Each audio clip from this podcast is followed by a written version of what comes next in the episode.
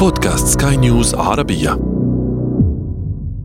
طابت أوقاتكم مستمعينا الكرام معكم إيمان جبور. أينما كنتم أرحب بكم في بودكاست الحياة رواية. روايات تدور أحداثها في المستشفيات موضوع حديثنا اليوم. وأذكركم أنه بإمكانكم الاستماع لكافة حلقات بودكاست الحياة رواية على منصات جوجل وأبل وسبوتيفاي وغيرها. متابعة طيبة. الحياة رواية. الجسم السليم مضيف والجسم السقيم سجان. مقولة الفيلسوف والعالم والسياسي البريطاني فرانسيس بيكون. وبين الأجسام السقيمة وسجونها المستشفيات. تدور رواياتنا في هذا العدد.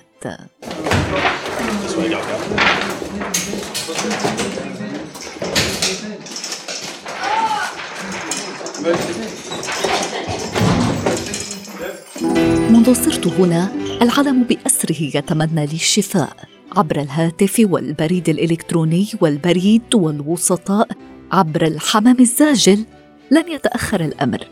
أتمنى لك الشفاء. يا لها من عبارة غبية.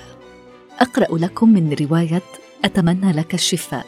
للكاتبة الفرنسية ماري سابين روجي وتحكي الرواية عن جون بيير أرمل وحيد دون أطفال أو حتى حيوان أليف متقاعد منذ سبع سنوات. بعد حادثة غريبة للغاية تخلف بضعة كسور في جسده الستيني وارتجاجا دماغيا يجد نفسه حبيس سرير المستشفى لأسابيع وبالنسبة إليه ليس ثمة أسوأ من ذلك. لكن من على فراش المشفى ستحصل مع العجوز لقاءات غير متوقعة من شأنها أن تزعزع شخصيته العبوسة والنرجسية. كامي الطالب قليل الكلام الذي يكافح ليتمكن من دفع تكاليف دراسته. ماييفا الضخمة التي تأتي لاستعارة حاسوبه بغرض دخول مواقع التواصل الاجتماعي.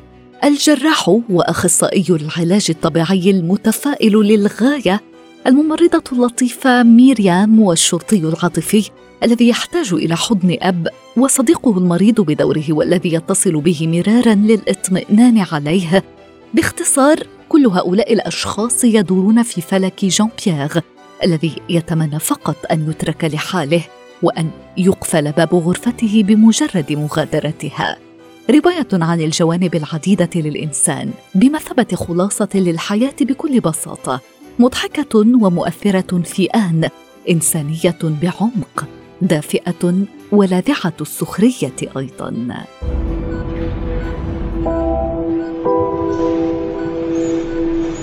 مام بتأثر وابتسامة نتابع حياة ريتشارد وسيلفي مراهقان لم تبتسم لهما الحياة بل جعلتهما حبيسي مستشفى لعلاج السرطان. ربما يكون هذا أكثر ما أكرهه في هذا المكان وفي كل مستشفى على وجه الأرض. يمكن لأي شخص أن يأتي بشكل غير متوقع. لا أحد يزعج نفسه بالطرق على الباب. من المستحيل أن يكون لديك شيء من الخصوصيه في هذه الحفرة.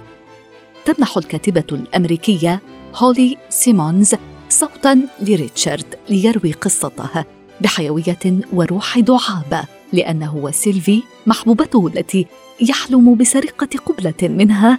لم يقولا بعد كلمتهما الأخيرة. كان السرطان في مرحلته النهائية أم لا؟ سوف يقاتلان حتى آخر رمق ليحبا بعضهما البعض ويجدا سبيلا يتيح لهما الهروب من هذا الجحيم. سيفتحان النوافذ على مصراعيها وسيغنيان ويضحكان ويتمردان. وفي متاهة هذا المستشفى النيويوركي نتأثر من لقاء شخصيات مختلفة. الأم التي تكرس نفسها لولدها والأب الذي يقاسي في أعماق كيانه. العم الذي عاد لرفع معنويات الجنود. الأطباء والممرضون المتعاطفون اليقظون والذين نشعر بدورنا بتعاطف حقيقي معهم. فهذه الرواية صادقة ومؤثرة لأن الكاتبة سارت فعليا في ممرات هذه المستشفيات لسنوات وهي ترجو علاجا لابنها المريض. صرخة تختلط فيها السعادة واليأس بحيث إننا سنضحك ونبتسم رغم مأساوية القصة. ستجعلنا الرواية أيضا نفكر في الوقت الذي يمضي بسرعة كبيرة ويجب ألا نضيعها. وروايتنا التالية يوميات لطبيب متدرب يمارس رقصة النقر بين أقسام الطوارئ المختلفة رفقة زملائه المقيمين. يحكي طبيب لمريضة تحتضر. ما يجري من أحداث داخل قاعات وأروقة المستشفيات. يحكي لها ليبقيها على قيد الحياة بقدر ما يمكن في انتظار وصول ابنها العالق في المطار. يحكي لها وقائع ومواقف حقيقية للغاية. مر بها هو أو أحد من زملائه الجراحين أو الممرضين داخل أقسام الطوارئ أو بالأحرى أعشاش النمل. ومن منا لم يضطر يوما للذهاب إلى هناك لسبب أو لآخر؟ من منا لم يئن من الوجع ولم يتذمر من بطء الوزرات البيضاء وكأنه المريض الوحيد على الأرض في غرفة الطوارئ المزدحمة باستمرار بمرضى حقيقيين أو زائفين أو أولئك الذين يرتعبون من أصحاب المعاطف البيضاء ويفضلون تجاهل ما ألم بهم من داء والذين للأسف غالبا ما ينتهي بهم الأمر في هذا القسم. بعد فوات الأوان. في روايته التي يمكن أن نترجمها ب ألف وحياة في الطوارئ. يضع الكاتب الطبيب باتيست بوليو قسم الطوارئ تحت ماسح ضوئي ويرسم بخفة ودعابة بورتريه المدير المستبد والممرضة الرقيقة والمتدرب المتخبط والاستشارات المتتالية وقصص اللقاءات المذهلة والمفاجئة أحيانا مع المرضى.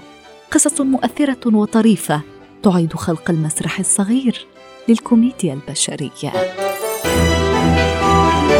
الحياة رواية. وفي ختام هذا العدد أشكر لكم وفاءكم وطيب إصغائكم مستمعينا الكرام. بإمكانكم تحميل هذا البودكاست عبر منصات أبل وجوجل وغيرها حيث بإمكانكم أيضا ترك آرائكم وتعليقاتكم ومقترحاتكم. كنت معكم أنا إيمان جبور. يتجدد لقاؤنا في العدد المقبل.